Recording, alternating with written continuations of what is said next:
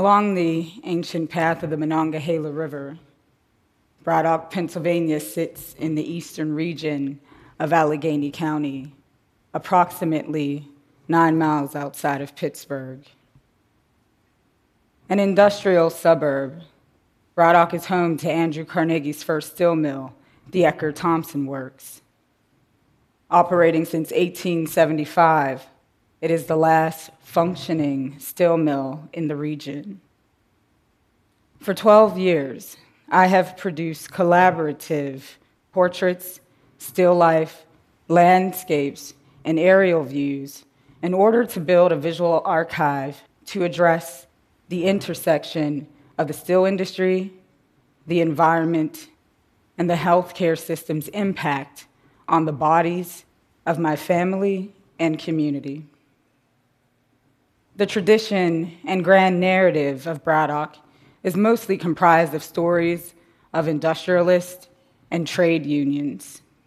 Currently, the new narrative about Braddock, a poster child for Rust Belt revitalization, is a story of urban pioneers discovering a new frontier. Mass media has omitted the fact that Braddock is predominantly black. Our existence has been co opted, silenced, and erased.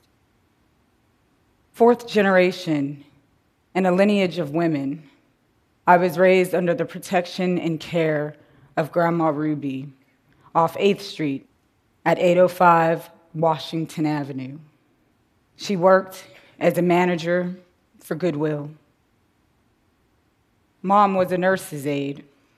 She watched the steel mills close and white flight to suburban developments. By the time my generation walked the streets, disinvestment at the local, state, and federal level eroded infrastructure, and the war on drugs dismantled my family and community. Grandma Ruby's stepfather, Gramps, was one of few black men to retire from Carnegie's mill with his pension.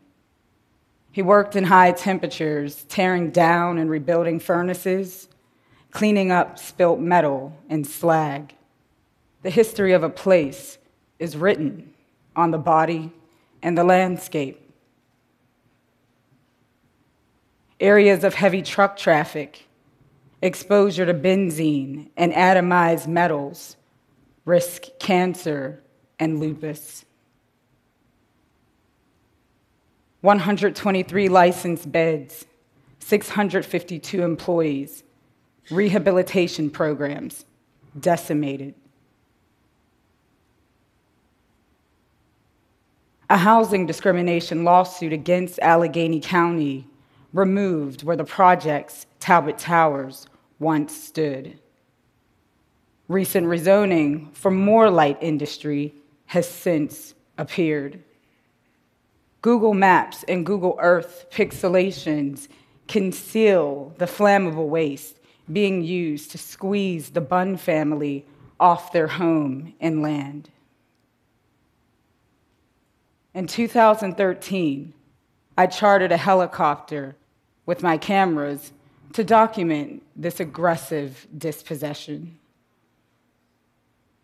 In flight, my observation reveals thousands of plastic white bundles owned by a conservation industry that claims it's eco friendly and recycles millions of tires to preserve people's lives and to improve people's lives. My work spirals from the micro to the macro level, excavating hidden histories. Recently, at the Seattle Art Museum, Isaac Bunn and I mounted this exhibition, and the exhibition was used as a platform to launch his voice. Through reclamation of our narrative, we will continue to fight historic erasure and socioeconomic inequality. Thank you.